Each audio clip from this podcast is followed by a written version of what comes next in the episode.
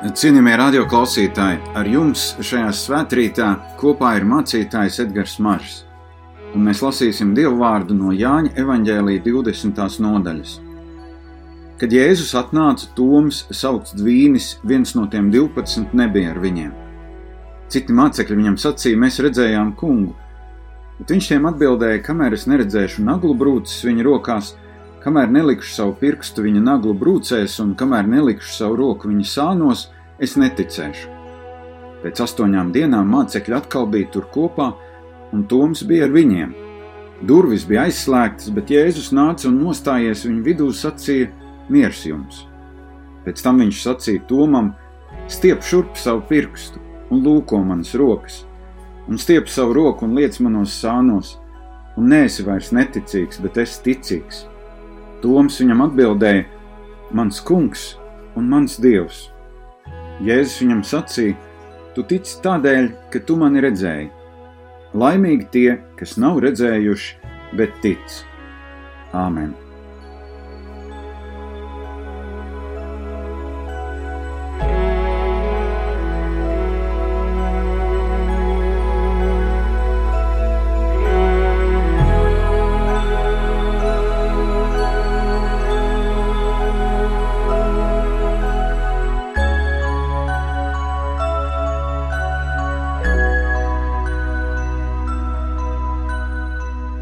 Cik žēlsirdīgi bijām aizvadītajā nedēļā? Vai pietika spēku un resursu? Un ko tas nozīmē būt žēlsirdīgam? Latviešu literārās valodas vārdnīca dod šādu definīciju: tāds, kam ir raksturīga spēja citus saprast, just līdzi un gatavība palīdzēt. Šīs īpašības var tikt ieaudzinātas mūsos jau bērnībā, bet tās var attīstīt jebkurā dzīves posmā. Vai nav tā, ka mēs nereti dusmojamies uz citiem, kuri mūsuprāt ir nejūtīgi un nespēja saprast mūsu situāciju, bet kā ir ar mums pašiem? Ilgojoties, lai citi mūs saprastu, mēs reti mēģinām iejusties otra cilvēka dzīvē. Nolasītais evaņģēlīja teksts ir par to, vai spējam iejusties otrā cilvēkā, vai spējam un gribam viņam parādīt žēlsirdību. Vispirms, mācekļi un toms. Kas notiek tad, kad desmit cilvēki cenšas pārliecināt vienu? Parasti viens padodas vairākuma spiedienam. Protams, teksts neko neatklāja par to, vai desmit mācekļi izdarījusi tomu kādu spiedienu, lai viņš ticētu. Bet tas varētu būt maigais spiediens, kad cilvēks saka, es neticu, bet tu tādā garīgā nejūtībā centies viņu pārliecināt. Vēl ļaunāk ir tad, kad mēs, mūsuprāt, neticīgo cilvēku esam jau norakstījuši un neuzskatām par vajadzību veidot ar viņu attiecības. Precīzāk, mums tas otrs ir vajadzīgs tikai, lai celtu savu garīgo lepnumu. Ja esam viņu dabūjuši Kristus pusē, tad schēma un metode ir nostrādājusi. Vai desmit mācekļi saprata tomu? Iespējams, ka nē, jo viņi bija tik lielas sajūsmas pilni, Kristus bija viņiem atklājies, dvesis uz viņiem svēto garu, Viņi bija līksmi un sajūsmināti. Toma reakcija bija pārsteidzoši disonants šajā priecīgajā mācekļu pulkā. Nu, kā tu vari nepriecāties kopā ar mums? Mēs taču viņu redzējām. Jā, toreiz nebija mobilo telefonu, selfijas neviens netaisīja, bet pat ja būtu, vai Toms būtu ticējis, vai tas būtu Tomu pārliecinājis, un vai tas būtu labākais Tomu ticībai, ka viņš būtu paņēmis mācekļu ticību kā savējo. Ticēt Jēzum, tas ir katra cilvēka individuālais ceļš pie Kristus. Otra ticība nevar iepotēt, var mēģināt pārliecināt, var paņemt ar personības šarmu, bet vai tas būs ilglaicīgi? To mēs esam paraduši saukt par neticīgu. Bet patiesībā Toms grib atrast Kristu sev. Viņš grib viņu redzēt vizuāli un arī viņu aptaustīt. Un tas ir drosmīgs lūgums. Varbūt tas mums palīdz paskatīties uz tomam līdzīgiem cilvēkiem, nevis kā uz nespējīgiem ticēt Jēzum, bet gan kā uz iespēju, ka šie cilvēki Kristu atrastu un piedzīvotu ticības brīnumu. Tomam bija vesela nedēļa neziņas, jo mācekļi droši vien turpināja dalīties savā priekā par Jēzu, kas viņiem bija parādījies. Ar Tomu diez vai kāds runāja. cik viegli ir nonākt izolācijā no citiem. Tomam tā bija nelaimīga reize, kad visi satikās ar Jēzu, bet viņš nebija klāt. Un dažkārt arī pēc īpašiem dievkalpojumiem, kad esam tik piepildīti, ir tik grūti pastāstīt, kas tur bijis svētīgs, bet cilvēki ir iedvesmoti, priecīgi. Ja neesi šajā dievkalpojumā bijis, vai arī ja esi bijis, bet neko īpaši sev neesi piedzīvojis, tad baidies par to runāt. Mēs nezinām, vai Toms mēģināja vairāk uzzināt par desmit mācekļu tikšanos ar Jēzu, bet tas nav viegli nepavilkties citiem līdzi. Vai pārējie mācekļi lika Tomu mierā? Šīs astoņas dienas varēja būt mazliet nekomfortablas gan Tomam, gan desmit mācekļiem. Bet ir vajadzīga žēlsirdība, lai nenosodītu Tomu, lai ļautu viņam būt tur, kur viņš ir savā ticības ceļā. Bet just Tomam līdzi, kad pats esi sastapies ar Kristu, ir ļoti grūti. Varbūt vieglāk ir tiem, kas paši ir piedzīvojuši līdzīgus brīžus. Nereti mēs esam tik nepacietīgi, ka otrs nespēja uzreiz ticēt Jēzum. Un tad ir jādomā par to, kā Jēzus tiek galā ar šo situāciju. Jēzus nāk ar miera sveicienu, un tas ir iedrošinoši. Mēs arī esam aicināti būt miera nesēji. Kristietis, kas nes mieru, kurš nāk ar mieru, nevis nosodītājs, nevis apsūdzētājs, bet miera nesējs. Nereti mēs esam tik nervozi, ka šķiet viens un cits cilvēks, kurš sevi nesauc par kristieti, ir daudz sabalansētāks un mierīgāks. Bet blakus tam, ka Jēzus nāk ar mieru, viņš nāk satikt tomu. Šķiet, ka viņa galvenais mērķis ir satikt tomu, un tā ir žēlsirdība no viņa puses.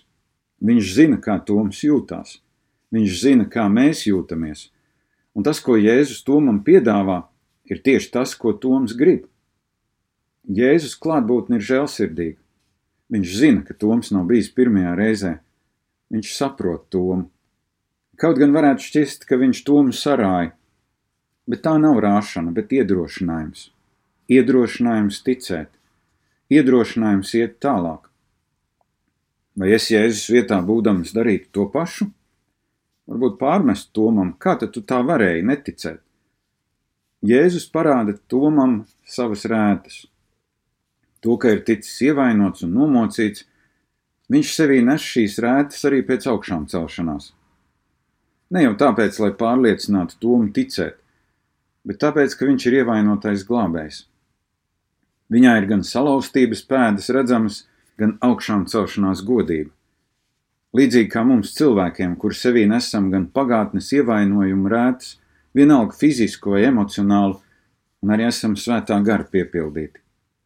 Tomam ir iespēja ticēt, Kristum, kurš ir dzīves, bet arī ticis nogalināts mūsu dēļ. Šajā pasaulē ir daudz ciešanu, un mēs nedrīkstam tās ignorēt. Nereti būtu vieglāk kaut kur paslēpties, lai nebūtu jādzird par kārtējo traģēdiju, par kārtējo terora aktu. Bet Jēzus neslēpj savus rētas. Jēzus ļauj tās aplūkot, ļauj tām pieskarties, un tajā pašā laikā aicina ticēt viņa spēkam un klātbūtnē. Tom un arī mūsu ticībai Kristum ir jābūt nevis idealizētai, kad viss ir labi, viss nokārtosies, bet gan būt blakus cietējiem, būt blakus un iežēloties, parādīt žēlsirdību. Bez Kristus žēlsirdības mūsējā būs tāda cilvēciska paraudāšana blakus cietējam. Jēzus klātbūtni iedrošina mūs just līdzi. Jā, varbūt biežāk klusēt, lūgt par cietējiem, parādīt ar savu dzīvi, ka nebaidāmies nokāpt ciešanu dziļumos, ka mēs varam kopā ar Kristu būt tie, kas nevis ciešanas izskaidro, bet kas ciešanās palīdz piedzīvot svētā gara mierinājumu. Tomam vēlāk pašam būs jāpiedzīvo mocekļa nāve.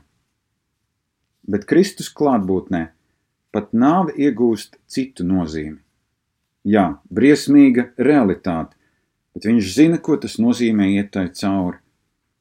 Un tad ir Toma ticības apliecība. Toms viņam atbildēja: Mans kungs un mans dievs. Jēzus viņam sacīja: Tu tici tādēļ, ka tu mani redzēji. Laimīgi tie, kas nav redzējuši, bet tic. Un tad, kad Toms pasaka šos lielos vārdus, viņš notic Jēzum kā mesijam, kā dieva dēlam. Vai pietika tikai ar Jēzus rētu uzlūkošanu? Varbūt bija kaut kas vairāk. Var teikt, ka Toms nožēlo savu neticības grēku, savus šaubas. Kristus žēlsirdība darbojas tad, ja esam gatavi atzīt savu cilvēcisko un grēcīgo. Pāvests Francisks ir sacījis, žēlsirdība vienmēr būs lielāka par jebkuru grēku. Visu piedodošā Dieva mīlestība ir neierobežota. Ja tikai uzlūkosim viņu, ja tikai pacelsim skatienu pāri savam es un mūsu brūcēm, ja tikai atstāsim kaut vismazāko spraudziņu viņa žēlastības darbībai, Jēzus izdarīs brīnums arī ar mūsu grēku, ar to, kas esam, ar mūsu niecību, ar mūsu postu. Tik tālu pāvests Francisks. To man bija jāredz arī viņa paša kategorisms un savu noteikumu uzstādīšana. Tad, kad piedzīvo Kristus klātbūtni, tad izgaismojas arī tavi grēki, tava spītība un nepakļaušanās Dievam, mūsu katra miesīgums. Bet Kristus nāk, lai man un tev piedotu šajā rītā, un lai arī no manas sirds skanētu šie vārdi mans kungs un mans dievs. Tas ir piedošanas skaistums. Nevis, ka tev ir jātaisnojas par sevi un jāskaidro, kāpēc tu neticēji, bet ka tu vari atzīt gan savu grēku, gan sākt ticēt. Jēzus saka, tu tici tādēļ, ka tu mani redzēji. Redzēt Jēzu. Ko tas nozīmē man un tev šodien? Ko Jēzus domāja par tiem, kas neredz un tomēr tic? Visvienkāršāk ir teikt, ka tūma ticība bija saistīta ar redzēšanu, ar fizisku pieskaršanos Jēzum. Savukārt mums šodien tas nozīmētu ticēt, lasot rakstus par Jēzu, par viņa mācekļiem, paklausot svētiem garam. Bet, kad domājam par redzēšanu, tad daudz toreiz redzēja Jēzu, bet neticēja. Redzēt un ticēt - tā ir Dieva dāvana.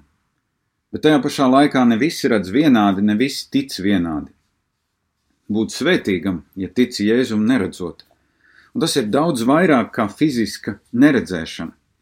Vai nav tā, ka mums nav viegli ticēt tad, kad mūsu dzīvē nepiedzīvojam un nejūtam Kristus klātbūtni? Ik viens no mums vēlētos piedzīvot Kristus spēku un brīnumus biežāk, Bet nereti ir jāiet cauri tuksnesim, klusumam, brīžiem, kuros jūtamies tik viegli ievainojami. Bet arī tajos brīžos, kad ciešam, mēs varam atrast un piedzīvot, kā Kristus nāk caur cilvēkiem, kuri parāda žēlsirdību. Kā ir ar manu žēlsirdību? Cik bieži es to parādu cilvēkiem? Viena no kristiešu visredzamākajām liecībām ir parādīt žēlsirdību, jo mēs ticam Dievam, kurš ir žēlsirdīgs. Ir tik svarīgi noticēt un dzīvot ar apziņu, ka Viņš ir žēlsirdīgs un piedodošs. Un tad, ja esam tik daudz viņa piedošanas saņēmuši, mēs mācāmies to nepaturēt sev. Žēlsirdība nenozīmē atbalstīt grēku, bet gan būt gatavam uzklausīt cilvēku grēksūdzi un apliecināt, ka Kristus piedod. Ja es spēju piedzīvot Kristus žēlsirdību, ja noticu, ka Viņš man palīdz piecelties un dod jaunu iespēju, tad es mācos būt žēlsirdīgs pret jebkuru cilvēku. It īpaši pret tiem, kuri saka, es neticu, vai es ticēšu, jā.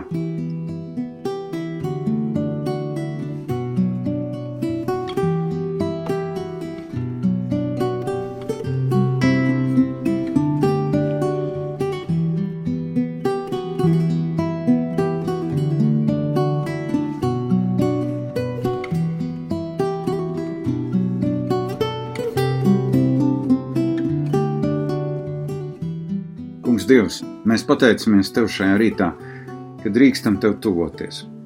Līdzīgi kā Toms pēc augšām celšanās, ka Tu viņam ļāvi aptaustīt sevi. Jā, Kungs, Tu neesi fiziski vairs mūsu vidū, bet mēs visi augstam piedzīvot Tevi, būt tuvu Tev un sākt Tev ticēt. Kungs, Tu redzi katru mūsu neticību un šaubas. Es lūdzu, lai Tu šajā rītā atklājies ikvienam, ikvienam, kas klausās šo svētkrītu, ikvienam, kas ir ceļā pie tevis, un arī tiem, kas jau tevi pazīst. Es pie mums un svētī mūs un pasargi, es īpaši pie tiem, kur ir saslimuši, kur ir slimnīcās. Kungs, mēs lūdzam mazini, mazini šo pandēmiju gan Latvijā, gan pasaulē, un dod mums piedzīvot tavu žēlsirdību atkal no jauna un kļūt žēlsirdīgiem iepratī citiem cilvēkiem. Sargi mūs šajā dienā, to mēs no sirds lūdzam Jēzus Kristus vārdā. Mūsu Kunga Jēzus Kristus žēlastība, Dieva tēva mīlestība un svētā gara sadraudzība, lai ir un paliek ar mums visiem tagad un vienmēr. Āmen!